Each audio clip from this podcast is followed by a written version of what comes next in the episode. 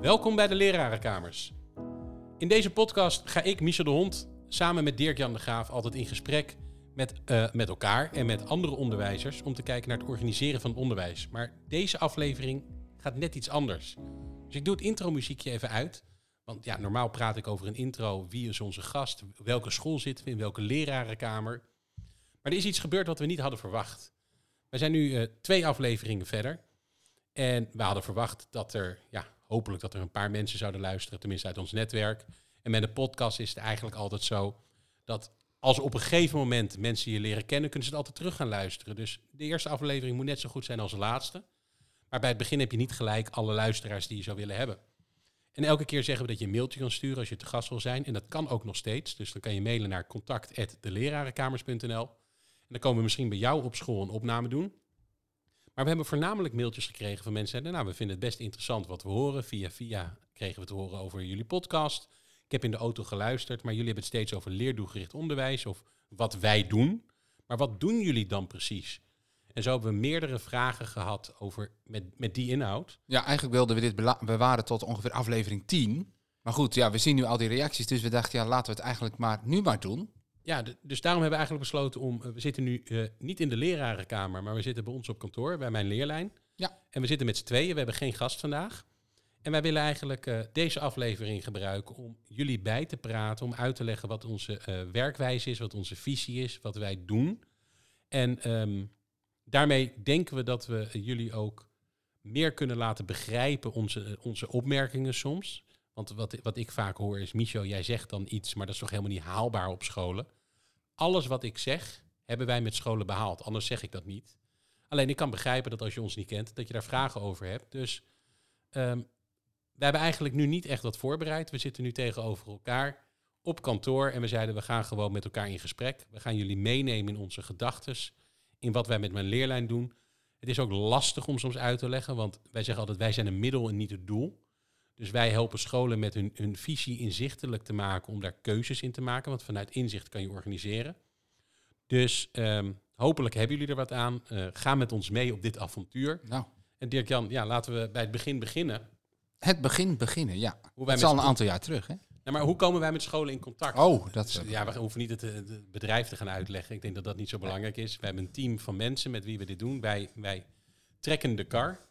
Uh, en we hebben een visie. En vanuit die visie helpen wij scholen in het inzicht krijgen en organiseren. Ja. Maar we hebben niet alleen een visie, vind ik, want uh, dan doen we onszelf tekort. We hebben ook de tools uh, om het in de klas ook daadwerkelijk te doen voor jou als leerkracht. Zeker, maar voor mij zijn de tools altijd het middel. Dus als ik met een school in gesprek ga, dan, dan wil ik weten wat, wat, ze, wat ze willen zien, wat hun inzicht moet worden. Hoe we dan aan de slag gaan. En pas de tools komen wat later. Omdat, ja, die heb je nodig om dat voor elkaar te krijgen. Ja, maar dat laatste is, vinden wij wel. Uh, dat ben ik het helemaal mee eens, uiteraard. Maar het is wel belangrijk, want uh, ja, je komt vaak tegen dat iemand de kennis komt te delen. Je allerlei werkvormen meegeeft om te gebruiken in de klas. Maar vervolgens moet je het wel zelf uitzoeken. En dat is ook waar menig um, ja, ding strandt eigenlijk in het onderwijs. En waardoor er vaak heel veel ballonnen zijn die opgelaten worden, maar uiteindelijk de uitwerking, ja, dat dat lastig is. En, en, en daar proberen wij wel te voorkomen. Maar misschien is het handig om even uit te leggen voor de, um, de mensen die misschien nu voor het eerst luisteren. Dirk Jan, die... Um, die werkt als onderwijsadviseur bij ons op kantoor. Dus die helpt scholen ook echt leerdoelgericht onderwijs mogelijk te maken. Maar hij staat zelf, sta je ook voor de klas. Ja. Bij de grondtoon in Bunschoten. Waar jullie al zes jaar met, uh, eigenlijk met mij samenwerken en met ons ja. systeem. Ja, en we hebben nu uh, vier jaar doen we in de praktijk brengen. Er zat een heel stuk voorbereiding in natuurlijk. Maar ook in een andere tijd. En ehm, tenminste andere dingen die we nu wisten, die we toen niet wisten inderdaad. Ja, klopt. Ik weet hoe het is in de praktijk wat denk jij dan dat, um, dat voor de luisteraars belangrijk is om als eerste te weten? Want voor mij is het altijd, ik, ik, wil, ik ga heel veel vragen aan scholen stellen. Ik kijk naar het organisatiemodel. Dus ik kijk echt wat haalbaar is voor leerkrachten en waarom wil je iets? Wat is het doel? Wat is het middel?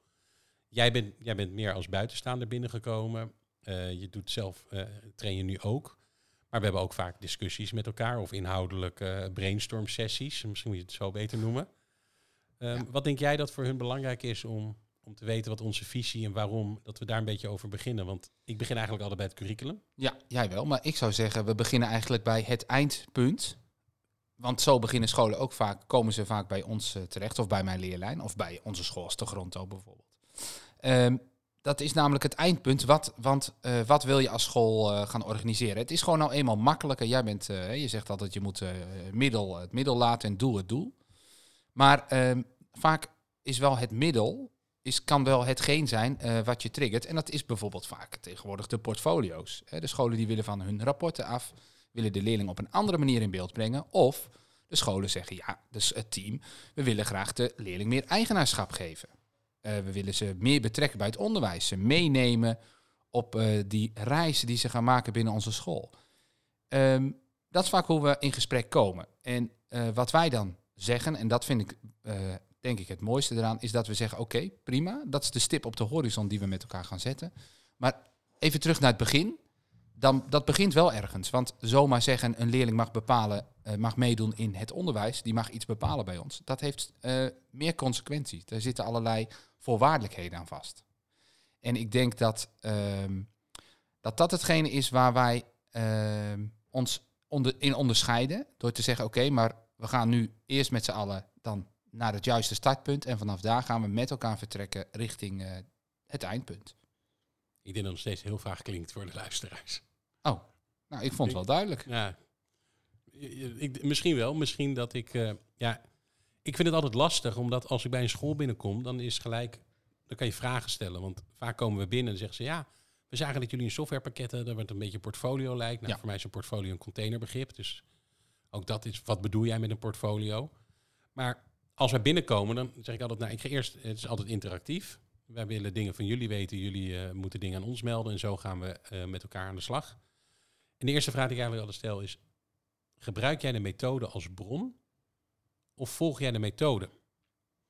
En ik denk dat dat de meest cruciale vraag is ehm, waar wij mee aan de, als een school zegt wij volgen één op één de methode en we zijn er super tevreden mee en we willen niks anders, dan hoef ik niet langs te komen. Dan hoeven wij niet binnen te komen. Ik bedoel, ik denk nog steeds dat we dan heel veel vragen kunnen stellen en dat wij uiteindelijk vanuit die antwoorden dat ze misschien een ander antwoord bedoelen. Maar in principe, als jij heel stellig bent, de methode is voor ons heilig, ja, dan, dan Ja, maar indirect zeggen we dan. Eigenlijk zeg je dan indirect, ja goed, dat is prima. Maar dan kun je eigenlijk niet de leerlingen eh, meenemen in je...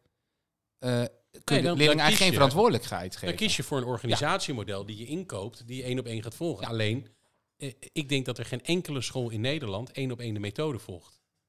Ik denk dat dat niet haalbaar is, want je hebt niet één methode, je hebt er vaak twee of drie. Je hebt een rekenenmethode, je hebt een taalmethode, je hebt een LVS-toets nog ingekocht. Dat zijn allemaal commerciële partijen die hun eigen organisatiemodel in beeld hebben gebracht. En toch doen de leerkrachten dan er wel alles aan om die methode te kunnen volgen. Ja, maar dat is logisch. Dat vind ik logisch.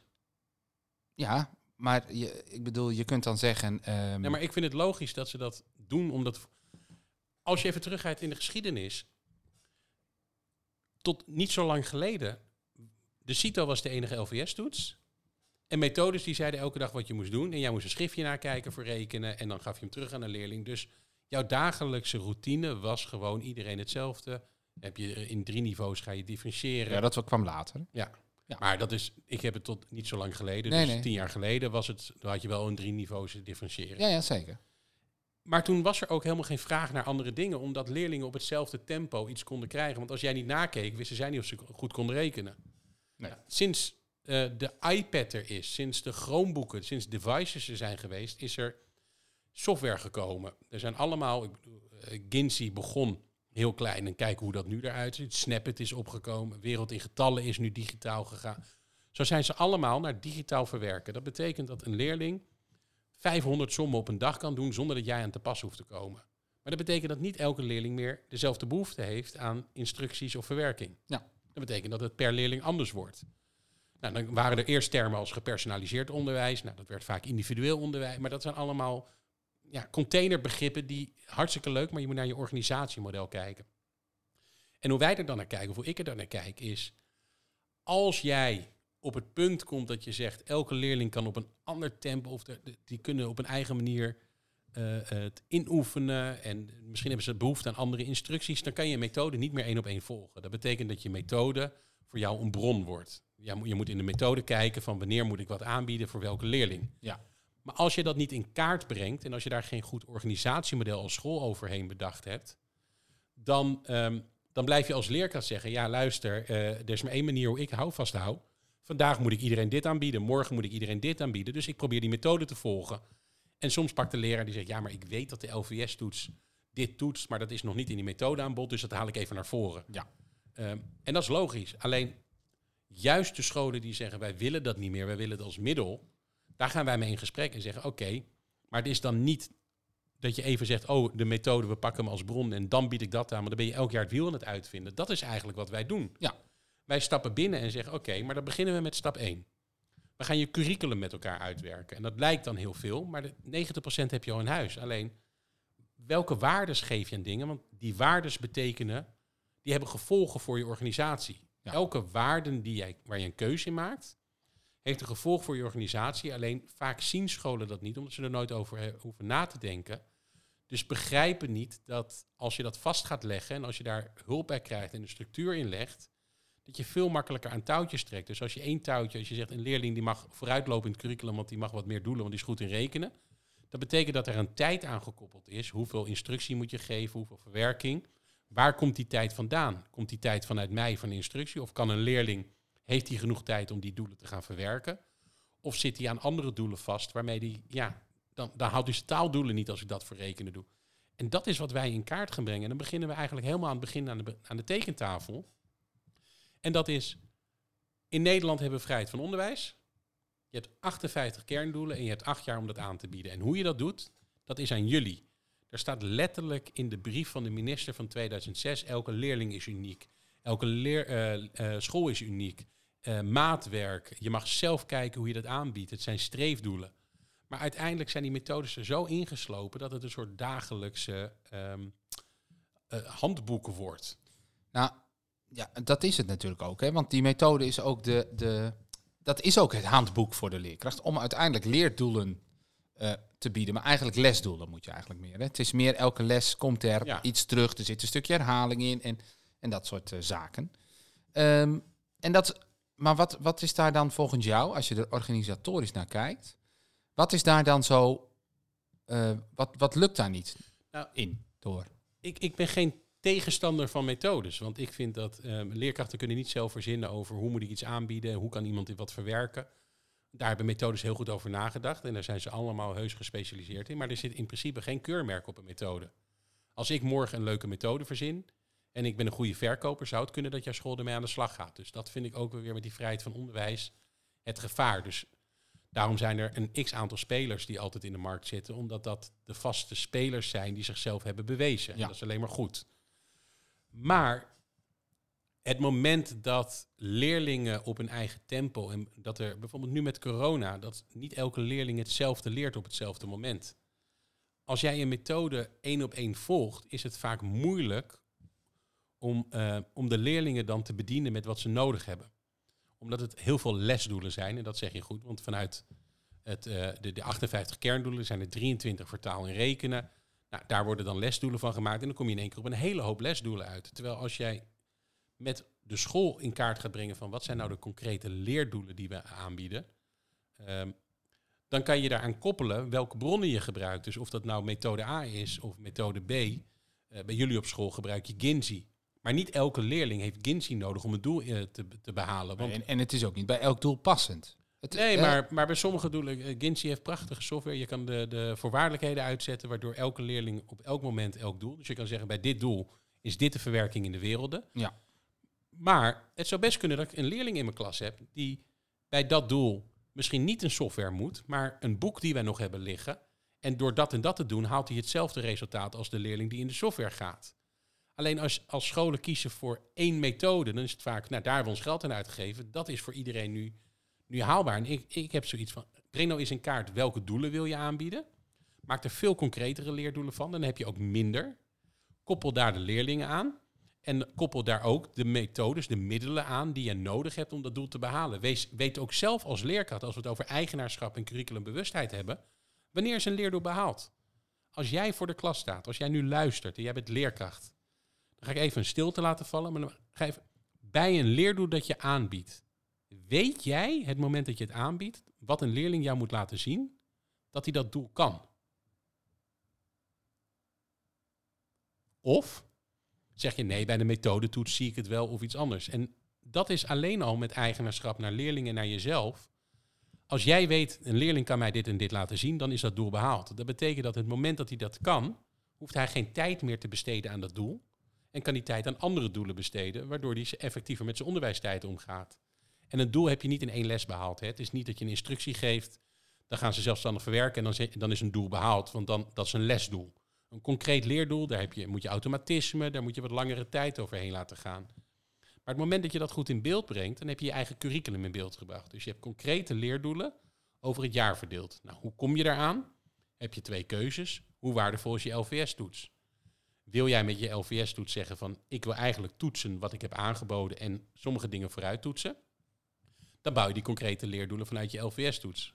Bijvoorbeeld bij DIA, uh, die hebben precies in kaart welk doel ze wanneer toetsen. Dus de midden-ei-doelen, die worden midden 7 voor het eerst aangeboden, dan eind 7 en dan eind 8. En dan kan je dus kiezen, wil ik de midden-ei voor midden 7 al uh, in het curriculum hebben staan? Want dan weet ik als ik bij midden 7 ga toetsen, dat ze het al hebben aangeboden. Of ga ik het nog niet aanbieden? Dus wordt dat vooruit toetsen? En ga ik het de tweede helft van groep 7 aanbieden, dat ik weet dat ik bij de eind 7 het voor het eerst hè, uh, toets. Terwijl ik, als je dat soort keuzes maakt, dat betekent niet dat je aan het toetsen bent of aan het organiseren voor de toetsen. Nee, dat wil ik zeggen, want dat is vaak wat, wat dan gebeurt. Hè? Ook uh, wat je. Wat, ja, maar dan krijg je scholen die zeggen: ja, wij willen niet organiseren voor de CITO of we voorbereiden op de CITO. Maar, Teaching to the test. Ja, maar dat is iets heel anders. Als ik, een, als ik de marathon moet lopen. En dan weet ik wat mijn eindtijd moet zijn. En dan ga ik terugredeneren. Wanneer moet ik wat kunnen? En daar ga ik op oefenen. En dat ga ik ook toetsen. Ja. Ik, ik ga als ik een uur moet kunnen lopen voor de marathon ga ik niet als ik pas op 10 minuten training sta een uur toetsen, want ik weet dat dat niet kan. Ik ga als ik ongeveer op 40 minuten ben kijken of ik ook een uur kan lopen. Dus ik ben aan het vooruit toetsen en ik ben aan het toetsen wat ik kan. Als jij de LVS hebt, wat, um, wat voor jou een eindtoets is die, die gewoon moet, waarbij je best wel wat waarde, want dat is rekenen taal, dan is het toch logisch dat je terugredeneert van wanneer wordt wat aangeboden. En ik wil inzicht hebben in mijn curriculum wanneer dat aangeboden wordt. Ik zeg niet dat je het allemaal al gedaan moet hebben voordat je toetst. Nee, want dat, want, ja, want dat is ook wel goed om dat even aan te geven. Het is niet zo wat... Uh, dat die LVS-toets, als die zegt, en jij noemt net het voorbeeld van die, uh, die, die midden-ei-woorden, eh, dat, dat die i daarbij zit, dan zeg je niet van, uh, ja, maar op, op die M7-toets moeten alle kinderen het per se kennen. Nee, want hij komt nog twee toetsen terug. Ja, het, het gaat, erom dat jij als school weet ja. dat het dan nou, getoetst wordt dat en wanneer het aangeboden is. Want nu is het vaak, ja, we, hebben dan, we kwamen erachter dat de CITO of een andere uh, niet overeenkwam met wat we hebben aangeboden vanuit de methode. Ja, maar wat toets je dan? Het gaat erom dat je inzichtelijk hebt. Wij hebben dit aangeboden, we hebben dit getoetst. Dus dit hoort de score te zijn die wij verwachten. En de reden dat de score niet is, is omdat in ons curriculum komt het later. Of we, we hebben, hij is nog niet zo ver. Zo direct gaan al die LVS-toetsen, die zeggen allemaal, en dat gaat CITO gaat nu naar leerling in beeld. Je kan toetsen op elk moment van het jaar, wanneer je wil. Ja, waarom zou je eerder toetsen? De enige reden die ik me kan verzinnen is als een leerling sneller gaat dan de rest van de groep. En die laat dus in november al zien dat hij dat hij, allemaal dat kan. dat hij een bepaald plek in het curriculum staat. Dus je hebt de curriculum opgedeeld in halve jaar en dan in periodes. Maar hij laat november al zien dat hij bepaalde dingen kan. Dan zou ik zeggen, nou weet je, jij bent op het punt dat we normaal de, de, de LVS-toets zouden afnemen op dit niveau. Die gaan we nu afnemen. Ja, je kan dit, je gaat door. Nee, je kan het niet. We gaan te snel. Maar daar noem je eigenlijk al iets heel belangrijks natuurlijk. Want dan komt weer die methode. Hè. Niet dat dat, uh, nogmaals, niet, niet dat, dat je methodes morgen bij het oud papier moet zetten. Maar dan wordt het nog interessanter. Want dan ga je dus in november iemand aftoetsen. Dan kom je er dus achter dat ze eigenlijk, doe je de M7-toets bijvoorbeeld, dat hij eigenlijk alles al kan. Een dikke A-score. En dan? Ja, maar dat, dat is dan weer dat inzicht wat ik wil creëren. Ik kan je nu niet zeggen en dan. Ik wil weten hoe je hele school ervoor staat. Ik wil weten hoe je hele klas ervoor staat. Ik wil weten hoe die leerling, misschien dat hij in zijn M7 voor rekenen zo scoort, maar dat hij voor taal achterloopt. Ja. ja. Nou, dat inzicht willen creëren. Want als hij voor taal achterloopt, is het fantastisch dat hij op 1S-niveau voor rekenen eruit gaat. Maar als hij niet eens 1F bij taal haalt, moet hij misschien toch naar praktijkonderwijs. Dus dan zou ik veel meer tijd aan taal besteden. Maar dan moet ik ook weer kijken, wat is haalbaar voor de school? Als ik elke leerling in zijn eigen leerlijn zet, ja, dan moet je als leerkracht misschien in de plaats van 32 leerdoelen, moet je er 167 aanbieden. Ga je echt niet lukken in je onderwijstijd. Nee. Dus om het curriculum goed neer te zetten met die doelen en de leerlingen aan die doelen te koppelen per periode, krijg je ehm, elke periode krijgt een leerling een persoonlijk leerdoelenplan, maar krijgt de leerkracht een overzicht. Wat wordt er van mij verwacht? En of jij nou klassikaal iedereen hetzelfde aanbiedt en een methodetoets aan het eind doet en dan zegt van ze hebben het behaald, of dat jij de leerlingen wanneer ze het kunnen op behaald zet, dat maakt voor mij niks uit, want we krijgen daar inzicht uit. En als het inzicht is dat jij elke periode een methodetoets doet, waardoor aan het eind de hele klas op behaald of niet behaalt, en er blijven leerlingen over die dat doel niet hebben behaald, en je hebt nog een week om het te herstellen, dan zou mijn eerste vraag zijn, hoe cruciaal zijn deze doelen? Moeten ze mee? Is het oké dat ze het niet kunnen? Of gaan ze nu de volgende blok of de volgende periode in de problemen komen omdat ze dit niet kunnen? Als dat het geval is, dan werkt die methode niet voor jou. Want dan ga je er tegenaan lopen dat je een opstapeling krijgt van leerlingen die achterlopen. En dat je alleen maar met, met gaten aan het vullen bent. Terwijl als we dat vooraf inzichtelijk hebben, dan ga je zorgen dat die leerling alleen maar aan de doelen werkt waarvan jij zegt, die moet je behalen, want dit is wel voor jou haalbaar. Maar daarmee kan ik je wel op 1F-niveau minimaal tot het eind mee begeleiden. En dat is enkel en alleen vanuit inzicht organiseren. Vanuit inzicht organiseren. En wat het eindpunt op je school wordt, kan voor elke school anders zijn. Wij hebben scholen die in hetzelfde uh, plaats of hetzelfde dorp of hetzelfde stad zitten. Allebei of Montessori of de, uh, Jena-plan of dat. En die zijn tegelijk begonnen en hebben allebei een andere uitkomst hoe ze organiseren. Alleen wij brengen het inzicht en wij helpen jou als school keuzes te maken die haalbaar zijn. Dat is eigenlijk wat wij doen. Ja, want als je dan kijkt, die, je had het net over die data die je dan verzamelt. En uh, hoe we dat dan, uh, um, wat, wat dat betekent eigenlijk voor je onderwijs. Um, ik kreeg uh, wel, we hebben natuurlijk de coronacrisis. En dan was het vooral met dat minister De Jonge zei, we kijken steeds in de achteruitkijkspiegel, want we kunnen niet voor ons kijken. Dat is misschien ook wel hoe je als leerkracht nu eigenlijk steeds moet kijken, maar wat niet per se hoeft. Nee. Want een deel wel, want ja, data heb je pas als je het gedaan hebt natuurlijk. Maar de beslissingen die je neemt, die kun je ook vooraf um, in, ja, Er zitten heel veel elementen aan, denk ik. Ik, ik was vandaag op een school waarbij ze zeiden, ja, één lerares bij ons, die is gaan kijken naar de hiaten. Dus waar, waar bleef een leerling, een leerling in de klas achterlopen? En die zijn die doelen weer gaan aanbieden. En dat gaat nu hartstikke goed. Zei oké, okay, dat vind ik fantastisch. Maar weet ze ook wat er nog vooruit geboden moet ja, worden? dat bedoel ik, ja. Ja, jij kan een half uur of een, uh, of een week of een maand blijven hangen op doelen die ze niet behaald hebben. En yes, we hebben gescoord, we hebben ze behaald. En dan?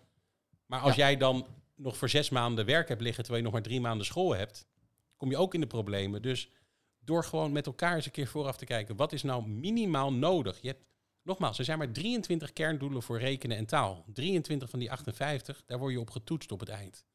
En wereldoriëntatie is belangrijk en al het andere is belangrijk. Lezen is belangrijk. Dus je wil voor zoveel mogelijk tijd onderwijstijd creëren. Je wil onderwijstijd creëren om efficiënt om te gaan. Behalve al rekenen, taal, lezen en wereldoriëntatie, wil je ook fijne leerlingen. Je wil ook sociaal-emotioneel. Je wil zoveel met ze bereiken. Ga dan eerst eens in kaart brengen, wat moet ik minimaal bereiken? En dan kijken van, wat kan ik nog meer bereiken? En dat betekent dat je op 1F, 1S niveau goed in kaart brengt, wat zijn de doelen? Leerlingen eraan koppelt, dan weet je, wat, wat verwacht ik van ze? Wat kunnen ze? Hoe kunnen ze efficiënter aan werken? En als wij dat doen, bij ons is het eigenlijk maar drie stappen. Het curriculum, maar het curriculum doen we vanuit goede keuzes. Wat is een leerdoel? Wanneer is een doel behaald? Hoe waardevol wil je een LVS in zijn kracht zetten? Welke middelen heb je? Welke methodes? Wat vind je daar heel goed aan? Wil je bewaren? Wat zou je anders willen? Dat is hoe wij het curriculum met elkaar samenstellen. Dan is het een middagje in ons systeem, want dan laden we jouw curriculum in. We hebben jouw curriculum gemaakt. Alles wordt ook vastgelegd. Dus als jij een, een lesdoel hebt, of een leerdoel bij ons. Dan kan je je middelen eraan koppelen. Je kan stappenplannen voor leerlingen. Heb je een duo-partner, heb je drie groepen zes. Bij dat leerdoel blijft het altijd opgeslagen. Voor volgend jaar staat het er ook. Dus je hoeft niet in je OneDrive of bij iemand anders. Als we dat hebben, gaan we in één middagje de leerlingen koppelen aan de juiste leerlijn. En met één druk op de knop heeft elke leerling een persoonlijk leerdoelenplan. Kunnen ze digitaal inkijken of een gepersonaliseerd doelenboekje wordt dat geprint. En leerkrachten hebben op elk niveau dat je maar kan wensen inzicht in waar zijn school staat, waar de klas staat, waar de jaargroep staat, waar de unit staat, waar een losse leerling staat. En vanuit daar gaan we je helpen om vanuit inzicht keuzes te maken. En dat ons systeem ook een portfolio en een dit ben ik pagina en vaardigheden, dat zeg ik altijd, dat is nice to have. Dat is omdat je dit gebruikt, is het leuk dat we dat erbij hebben gebouwd. Maar het gaat om die basis, vanuit inzicht organiseren, keuzes maken, schoolbreed vastleggen. Ja, en we waren wel blij toen, uh, en nu met uh, het het Nationaal Programma Onderwijs, eh, dat een onderdeel daarvan van de SLO was eh, de focusdoelen. Weet Ja. je nog? Dat we dachten, nou, Dat we dat dachten. Yes. Met nadruk op dachten. dat, Nou, ik moet daar... Want ik vind, we hebben goed contact met SLO. nee, dat En, was ook goed. ehm, Prima. En SLO, wat SLO heeft gedaan, en dat zeggen ze zelf ook, en dat wordt soms ge- verkeerd geïnterpreteerd door scholen. SLO heeft gewoon de kerndoelen vertaald. Die hebben gezegd, die kerndoelen zijn zo groot, zo abstract, dat daar heb je niks aan. Wij hebben, daar, wij hebben dat in, in, in stukjes gehakt. Kaders gemaakt Ja, eigenlijk. maar, maar ik kan optellen, aftrekken, vermenigvuldigen en delen is niet een leerdoel. Dat is een basis wat je in acht jaar moet kunnen en dat hebben ze vertaald. Nou, wat ze nu hebben gedaan is in opdracht voor het Nationaal Programma Onderwijs hebben ze die focusdoelen. En ehm, daar zit precies de crux waar wij misschien tegenaan lopen bij scholen. Is dat de basis van dat idee is, is precies waar wij al zeven jaar mee bezig zijn. Dat is eigenlijk zeggen ze, we hebben even gekeken naar alle leerlijnen. Als leerlingen dit minimaal kunnen, dan kun je ze gewoon over naar de volgende klas, kunnen ze gewoon door, is het goed.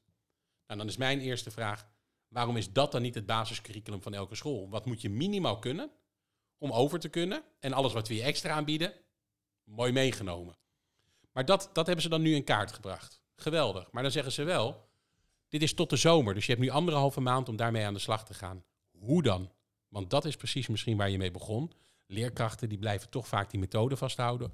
Omdat als jij geen handvaten hebt, als jij niks hebt waar je dat kan bijhouden, waar je met z'n allen afspraken over maakt, ja, dan ga je als leerkracht, je hebt, dat, je hebt 40 uur dat je al bezig bent. Je werkt vaak 60 uur als leerkracht. Hoe ga je dit dan Ja, vastleggen? en het is, je bent altijd bezig. Ja. Ik bedoel, de kinderen, je hebt ze maar één keer. En als een half uur om is, is het om. Nee, daarom. Dus, dus het is ook met die focusdoelen. Het is leuk dat ze in beeld hebben gebracht. Dit moet je minimaal kunnen tot het eind van het schooljaar. Maar als je niet uitlegt aan een leerkracht, gewoon zo kan je dat gaan doen. Zo kan je dit aanbieden. Zo kan je het aan je methodes koppelen. Zo kan je kijken wat ze kunnen. Ja, dan, dan zijn ze eh, maanden bezig met elkaar. Dan heb je even een bouwvergadering of je hebt een keer een studiedag om hoe gaan we dat doen. En dan is het jaar al om. En dat is wat wij eigenlijk met scholen echt doen. Als wij binnenkomen, dan zeggen we niet van, nou ja, dit zou kunnen. Je kan leerdoelgericht onderwijs, dus je kan doelen bedenken. Die doelen kan je koppelen. En als je die doelen gekoppeld hebt, dan heb je inzicht. Succes. Nee, wij zeggen, eh, dit is leerdoelgericht onderwijs. Wij kunnen je niet zeggen wat het, uitbrengt, wat het uitkomst wordt, want dat is per school anders. Maar we gaan eerst beginnen met stap 1. Laten we eens een training met elkaar doen. Wat is voor jullie het curriculum? Wat vinden jullie belangrijk? Wat, wat, wat wil je van je methodes houden? Hoe kijken jullie naar een leerdoel? Hebben we twee trainingen voor nodig? Hebben we een curriculum? Want 90% is al een huis. Alleen je weet niet hoe je het moet lezen.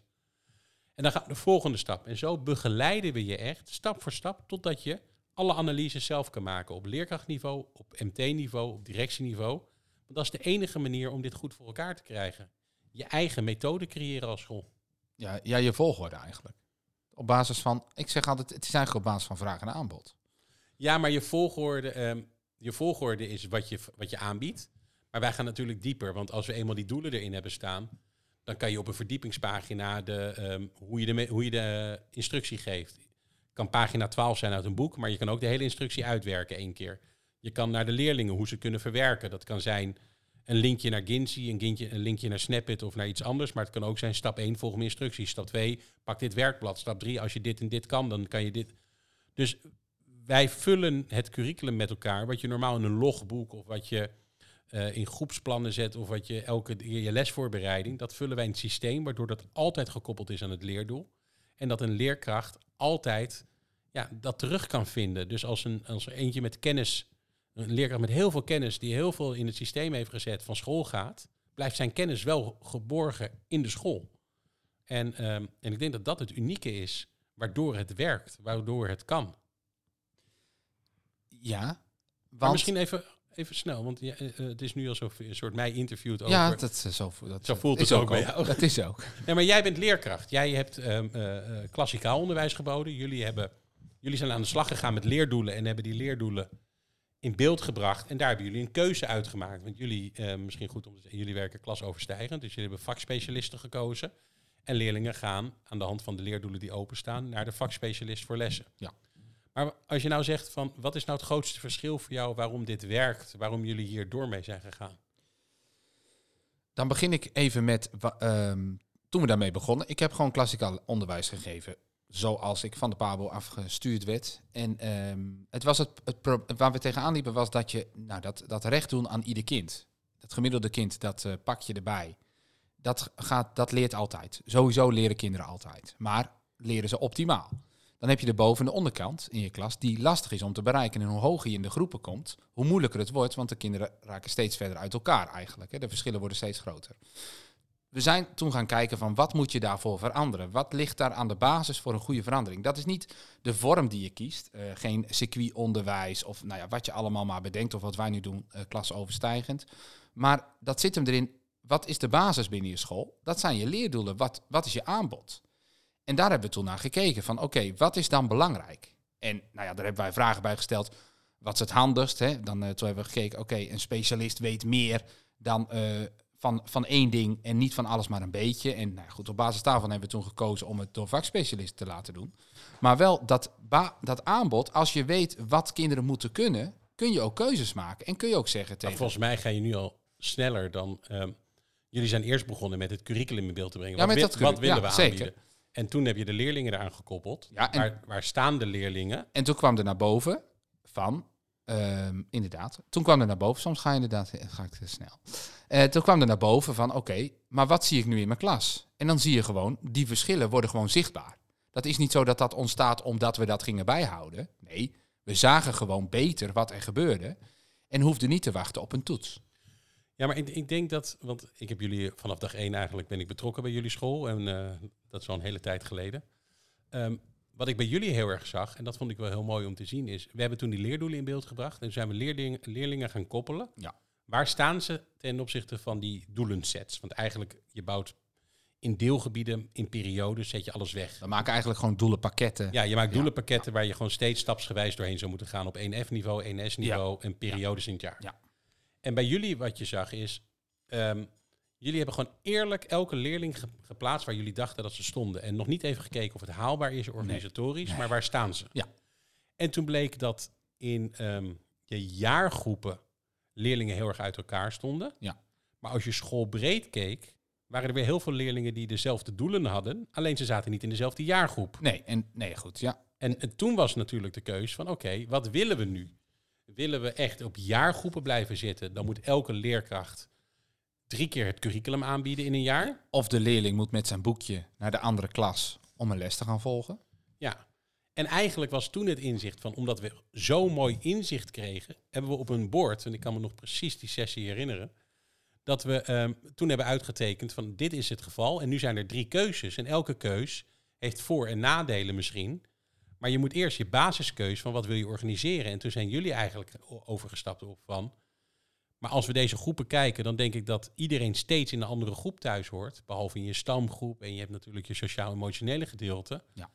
En toen hebben jullie de keuze gemaakt. We gaan met vakspecialisten en leerlingen gaan met een rooster werken. Waardoor ze gewoon altijd met een doel bezig zijn die voor hun eh, ja, nodig, nodig zijn. Ja, ik wil wel even toevoegen dat dat kon, omdat toen wij wisten wat de software van mijn leerlijn kon. Want kijk, dat roosterwerken, dat hadden wij niet gedaan als we niet geweten hadden dat dat überhaupt mogelijk was. Nee, maar dat is, dat, ja, het is goed dat je het zegt, want dat is natuurlijk wat wij met scholen doen, is we gaan inzicht creëren in wat wil je en dan laten we zien hoe je met de software bijna elke vorm kan organiseren, zolang je het maar vanuit inzicht doet. En met jullie was natuurlijk, doordat we dat inzicht hadden, konden wij laten zien, je kan het ook zo, je kan het zo. We hebben ook klassikale modellen nog laten zien. We hebben eh, modellen laten zien dat je alleen op dinsdag en donderdagmiddag van klas wisselt. Ja, je kunt, ja. Je kan er alles, Alles mee. Alleen jullie hebben toen specifiek gekozen. En daarom zeg ik ook, ik kan niet bij een school zeggen wat de uitkomst wordt. Ik, moet, ik wil eerst dat we inzichtelijk hebben wat je doet. Ik, ik was laatst op een school waar een groep 8 leerkracht zei. Die zei, ja, als ik elke leerling echt in zijn eigen tijdlijn moet zetten. Of in zijn eigen leerlijn. Dan lopen ze zo uit elkaar. Dat, dat kan ik toch helemaal niet aanbieden. Nee, maar we kunnen ook wel met elkaar, en dat gaan we gewoon hier nu zeggen, 100% onderwijs voor Bestaat iedere leerling niet. bestaat niet. Bestaan. Maar als jij nu 50% biedt en je kan naar 60, is dat 10% winst. 20. Nee. Wat? Hij is rekenspecialist. Ja. Maar nee, goed. maar ik denk dat het belangrijkste is voor de luisteraars ook dat. ehm, dat zei ik verleden week eh, of verleden keer ook in onze podcast, de afgelopen aflevering. Als jij iets niet kent, kan je ook niet in mogelijkheden denken. En Geef even dat voorbeeld. Of had je die gegeven? nee, die had ik aan jou gegeven in de afloop en de dames eh, die bij ons te gast waren. En dat voorbeeld dat eh, gaf ik vroeger ehm, eh, soms bij ehm, toen ik lezingen gaf over de toekomst van het onderwijs en wat kan veranderen. Is Ja. Als ik nu aan jou als leerkracht, en ik heb het nu tegen de luisteraars, niet tegen Dirk-Jan. Oh. Maar als ik nu aan jou zou zeggen van, ik heb een baan voor jou. En dat is in New York. En dan moet je elke dag moet je naar New York. Maar je wil natuurlijk wel thuis bij je kinderen en je vrouw eh, elke avond thuis eten en slapen. Nou, dan denk ik dat je antwoord gelijk is nee, want dat is niet haalbaar. Dan doe ik het niet. Nu te veel grap in mijn hoofd. eh, niet.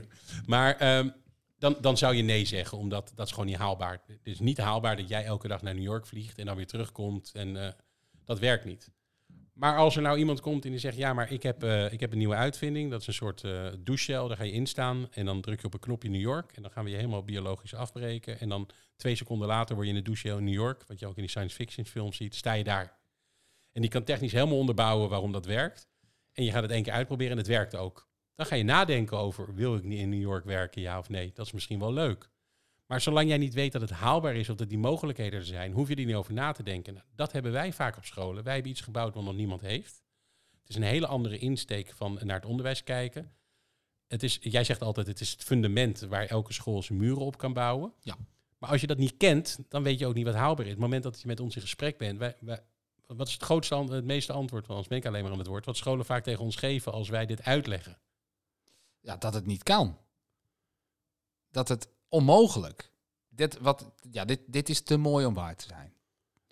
Ja, we horen zo. Mensen geloven gewoon niet dat dit mogelijk is. En we zeggen nu niet dat we een wondermiddel hebben hoor. Want dat is het echt niet. Alleen het is een andere insteek van inzicht krijgen in het basisonderwijs. En door dat te doen, krijg je keuzes. En welke keuzes jullie nemen als school, dat ligt aan jullie. Alleen wij kunnen vanuit onze ervaring en vanuit de inzichten die we hebben, uitleggen als je aan het ene touwtje trekt, wat er met het andere touwtje gebeurt. En, en als je dat niet kent, ja, dan blijf je altijd binnen bepaalde grenzen denken. Ja, ja, ja, of je hebt degene die daar buiten denken. En dat vind ik ook wel. Kijk, op elke school zit er, vaak zitten ze in groep 7 of 8. En niet om de rest eh, een tekort te doen, zeker niet. Maar dat zijn vaak de ervaren leerkrachten die heel veel uit hun, echt vanuit hun ervaring kunnen doen. Die weten, oké, dit leerdoel is straks voor die eindtoets belangrijk. Dat moet ik extra aanstippen. Eh, die werkwoordspelling moet ik extra aangeven, enzovoort, enzovoort. Maar dat zit wel bij die leerkracht en die doet dat wel. Maar vaak zit dat niet in het team. Hè, Het is niet iets wat schoolbreed gedragen wordt. En misschien door ergens in groep 6 al iets toe te voegen, hoeft die leerkracht dat niet meer te doen. Want dan is het een hele goede basis is er gelegd binnen je vaste curriculum. En dat is wat we zo belangrijk vinden. En dat is denk ik ook wat Michel net bedoelt. Als iemand eh, van je school gaat die die kennis wel heeft, ja, dan, moet, dan is het weg. En dat is zo zonde. Terwijl je met elkaar eh, een betere school kan worden, een beter aanbod.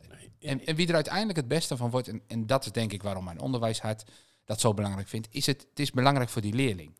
En als ik even een voorbeeld mag eh, geven, want dat is, kijk, mijn drijfveren zijn niet omdat ik jou zo aardig vind, Michel, of, maar omdat ik zie, en dat zie ik dus bij mij in de praktijk op, op school, dat ik leerlingen zie die dingen laten zien die ik van tevoren niet had verwacht. En dan bedoel ik vaak de onderkant van de leerlingen. We hebben leerlingen bij ons op school die nou, bijvoorbeeld eigenlijk niet bij ons zouden moeten, maar naar het SBO zouden moeten. Ehm, want ja, wij konden ze eigenlijk toen niks bieden. En inmiddels zitten ze gelukkig nog gewoon bij ons op school. En die laten zo vaak zulke mooie dingen zien dat ze dingen wel kunnen. Dat hadden we van tevoren niet gedaan, want we hadden het net over die drie niveaus waar je dan aan werkte. Die zaten dan altijd in ja, extra instructieniveau. Maar kijk, als je een leerling zegt, jij moet altijd extra uitleg hebben, dan gelooft die leerling dat. Dat hij altijd extra uit, eh, eh, eh, instructie moet hebben.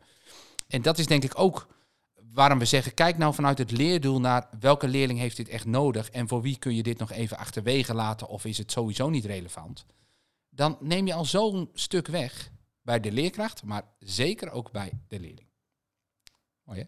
Ja, Ja, ik, eh, heb je ingestudeerd. Nee. ja, nee, Nee, maar, maar het, het is, we kunnen er heel lang over blijven praten. En we hebben nu eigenlijk niet eens gehad over eh, de inhoud verder, wat we nog meer, wat er allemaal kan. Qua ook qua software, die, die heeft zo'n roosterprogramma. Er zit een eh, de dit ben ik pagina. Dat een Messenger. leerling, er zit een messenger. ja, voor de feedback geven. Ja, en, maar eh, ik, ik zeg altijd, dat is allemaal nice to have. En ehm, dat is allemaal leuk dat het erbij zit, waardoor het een... Jij zegt altijd, het is mijn dashboard waar ik de hele dag alles uit kan halen, waar we altijd alles in zien. Maar het gaat erom, de basisprincipe. Als jij een goed curriculum hebt, waar je over nagedacht hebt, en je kan de leerlingen koppelen aan de leerlijnen, dan krijg je inzichten. En vanuit die inzichten kan je allemaal keuzes maken. En met die keuzes kan je aan de slag. En dan kan je gewoon efficiënter omgaan met je onderwijstijd. Zowel voor de leerkracht als voor de leerling. En vanuit daar zijn er zoveel mogelijkheden. Ja, en, en dan de koppeling, hè, want de, de mogelijkheden, maar de koppeling met die LVS-toetsen. Want hè, daar hebben we het ook natuurlijk, eh, dat is ook zo belangrijk. Of tenminste, Ja, ik, ik, ik, want ik, ik hoor twee smaakjes heb ik altijd die ik in, in het land hoor. Is de mensen, wij gaan niet ons aanpassen aan de LVS-toets. Of wij willen voorbereid zijn op de LVS-toets. En ik, ik kan voor allebei wat zeggen en ik kan voor allebei wat vinden. Maar ik zeg altijd, ik ben niet degene die bij jou komt vertellen hoe je het moet doen. Dat moeten jullie beslissen. Ik zeg alleen dat je bij allebei bepaalde keuzes moet maken die gevolgen hebben voor je organisatiemodel. Dus wij kunnen altijd in kaart brengen wat, wat dat tot betrekking heeft. Dus als jij zegt, ik ga me niet voorbereiden op de LVS-toets, dus mijn curriculum hoeft niet af te stemmen op de LVS-toets. Prima, helemaal goed. Maar weet wel wat er getoetst wordt en weet wat je aangeboden hebt en waar dat verschil ligt. Zodat je niet na afloop urenlang moet gaan analyseren waar de leerling staat, waarom de leerling daar staat. Terwijl je misschien dan dus niet aanbiedt wat je zou moeten aanbieden. ja, of ik vind dat er dan gezegd wordt vanuit de analyse, ja, we moeten een uur meer rekentijd gaan eh, doen in de week, want we lopen wat achter op de... Ja, De rekenresultaten in groep Je hebt het nooit 7. aangeboden. De leerling heeft Ja. het nog nooit aan bod Nou gehad. ja, maar goed, het, het gebeurt. En, en daarin zeggen we steeds, dan begeleiden we in wat de keuzes voor gevolgen hebben. Ja, ik vind het ook heel gek, maar ja, misschien dat ik nu iets heel raar zeg, dat besturen zeggen, je moet de eindtoets van eh CITO of IEP doen en de rest mag je zelf kiezen. Dan denk ik, doe altijd dezelfde alsjeblieft. Ik ga niet in Nederland leren autorijden om in Engeland af te rijden. Dat, dat als jij nooit CITO hebt gedaan, maar je hebt altijd IEP gedaan, in de eindgroep 8 moet je CITO doen. Dat is een andere vraagstelling, die heb je nog nooit als kind gehad. Ga je in de belangrijkste toets van het jaar, of van je leven misschien wel, ga je een nieuwe toets geven, nou, zeg dan of alles IEP of alles CITO. Maar maak één keus. En ik vind het sowieso al heel gek dat bestuur zegt welke eh, LVS. Dat was natuurlijk jaren geleden, was alleen CITO er. Dus toen kon je niks anders. Maar ja, ik vind dat je als bestuur moet zeggen, de school moet kiezen wat bij hun organisatiemodel past, wat, waar zij zich goed bij voelen. Al die LVS-toetsen zijn voor de eindtoets goedgekeurd door de overheid. Dus ehm, kies welke bij jou past. En dat jij als bestuur iets harder moet gaan werken, omdat je zeven scholen moet gaan vergelijken met andere toetsen. Dat is jouw probleem. Dat moet je niet bij de leerkrachten neerleggen. Dat, eh, dat vind ik, ja, dan ben, je, dan ben je het werk bij de leerkrachten neerleggen, omdat je als bestuur daar makkelijker analyses van wil maken. Nou, dat, dat lijkt me een verkeerde stap. Nu begin je te lachen, Ja, dat ik het hardop durf te zeggen. nee, ja, gewoon, nee, gewoon. eh, Je zou zo de politiek hè, voor eh, het onderwijs. Dat, nou ja, goed, dat is wel vaak wat er gebeurt. Hè. Ehm, eh, dat- dat, dat inderdaad eh, van bovenaf er iets wordt ingegoten. Terwijl dat niet, ze pretenderen dat niet. Het is wel zo dat ze zeggen, ja, we willen eigenlijk wel de school zo laten. Maar op deze manier wordt er ook vaak niet gekeken naar die LVS-toets. Ja, maar ook eh, net zoals referentieniveaus. Dat is nu een paar jaar geleden naar binnen gevlogen. En de methodes hebben dat heel mooi verwerkt. En ik denk dat de, dat de referentieniveaus een van de beste toevoegingen zijn in het onderwijs de laatste jaren. Maar je kan het niet zomaar naar scholen naar binnen gooien. Daar moet je wel even een hele goede eh, training en uitleggen. Hoe werkt dat dan? Hoe ga je daarmee om? Hoe zorg je dat een leerling dan bepaalde eh, niveaus haalt? En dat is, dat is misschien wel het. Dat is, ja, nu je dat zo zegt, denk ik, dan schiet dat dan ook weer in mijn hoofd. Denk ik, ja, kijk, dat is weer precies inderdaad een goede uitvinding of een goede, goed eh, iets die referentieniveaus. Het geeft een doorkijkje vanaf je basisschool helemaal verder. Je, je, je voortgezet onderwijs en, het, en zelfs het middelbaar onderwijs in. Maar het wordt gemaakt. Er wordt gezegd, als school moet je 100% afleveren op 1F. En 65% daarvan moet eigenlijk 1S of 2F halen. Maar voor de rest, hoe je dat gaat doen, ja, dat is de vrijheid van onderwijs. Eh, zoek maar uit hoe je dat gaat doen. En dan zijn er natuurlijk allerlei bureaus en, bureaus en dingen die je daarbij kunnen helpen. Maar ik bedoel, er wordt niet even, de handleiding daarvan wordt niet gemaakt. Nee, maar dat komt omdat er geen handleidingen zijn, omdat het voor elke school anders is. Dus als ik een bestuurder zou zijn en ik heb eh, twaalf scholen onder me of zeven scholen, en die hebben allemaal een andere methode en die organiseren op een andere manier, is ook de referentieniveaus anders hoe je daarmee omgaat. Alleen, ik zou dan altijd met elkaar willen vastleggen is, wat is jullie organisatiemodel? Hebben we dat vastgelegd? En dan gaan we met jouw organisatiemodel met elkaar kijken, hoe, hoe past dit erin? Hoe willen we dit gebruiken? Hebben we dan nog steeds de juiste methode? Of moet het op een andere manier? Ehm, en die keuzes die worden niet, steeds niet vastgelegd. En dat is waar ik dan nog steeds weer terugkom op het organiseren. Als jij methodes inkoopt, als je een LVS doet, dan, dan ga je met hun organisatiemodellen aan de slag. En op het moment dat je daar één verandering in doet, is het jouw organisatiemodel. En als je dat niet vastlegt, ben je elk jaar het wiel aan het uitvinden. elke keer opnieuw. En dat is wat wij doen. Wij leggen alles vast. Wij kijken met elkaar wat wil je organiseren, hoe wil je het organiseren, waarom wil je het organiseren. Dat mag je altijd aanpassen. Maar komt er dan iets nieuws de school binnenvliegen? Dan gaan we met elkaar kijken, waar past dat? Waar moet de tijd vanaf om weer tijd vrij te krijgen? Want we kunnen niet weer tijd erbovenop gooien. En die keuzes, als je dat helemaal onder de knie hebt als schoolleider, als je dat als leerkracht onder de knie hebt, dan ga je gewoon veel effectievere keuzes maken. Ja, eh, maar kijk, we hebben, nu, en we hebben nu al een tijd. Ik weet niet hoeveel tijd er op de klok Ja, dat staat. is, volgens mij zijn we de 40 minuten voorbij, dus Oh. de, het muziekje we moeten gaat zo aan. afronden, ja. Nou, ik wou zeggen, dat is 40 minuten praten over best wel veel dingen, mogelijkheden die je allemaal krijgt. Maar nog één keer, wat, dan, wat moet je dan als school doen? Is dat dan zoveel wat er allemaal moet gebeuren? Nee, het valt reuze mee, want je, je hebt 90% van het curriculum heb je al in huis.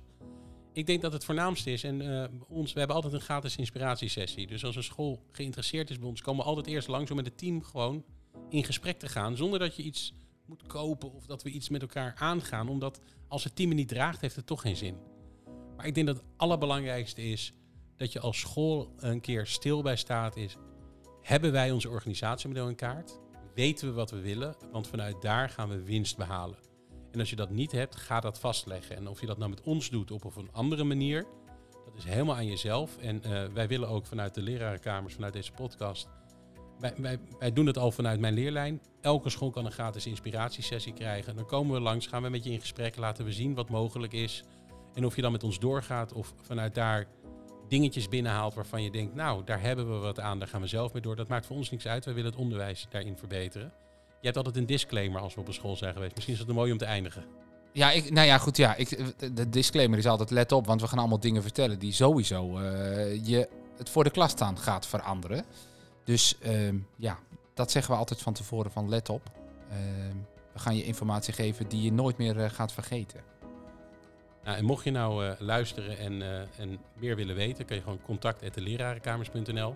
Vind je onze podcast interessant? Dit was de enige keer dat we echt over ons gaan praten, over leerdoelgericht onderwijs. We vinden het veel leuker om met anderen over andere onderwerpen. we nog een keertje dan de week zeker. Ja, maar voor dit seizoen, want het is bijna vakantie.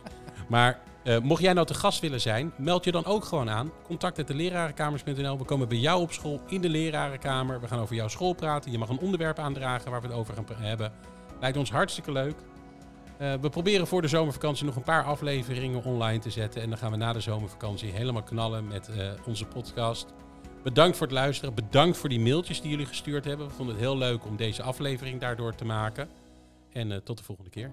Doei, tot de volgende keer.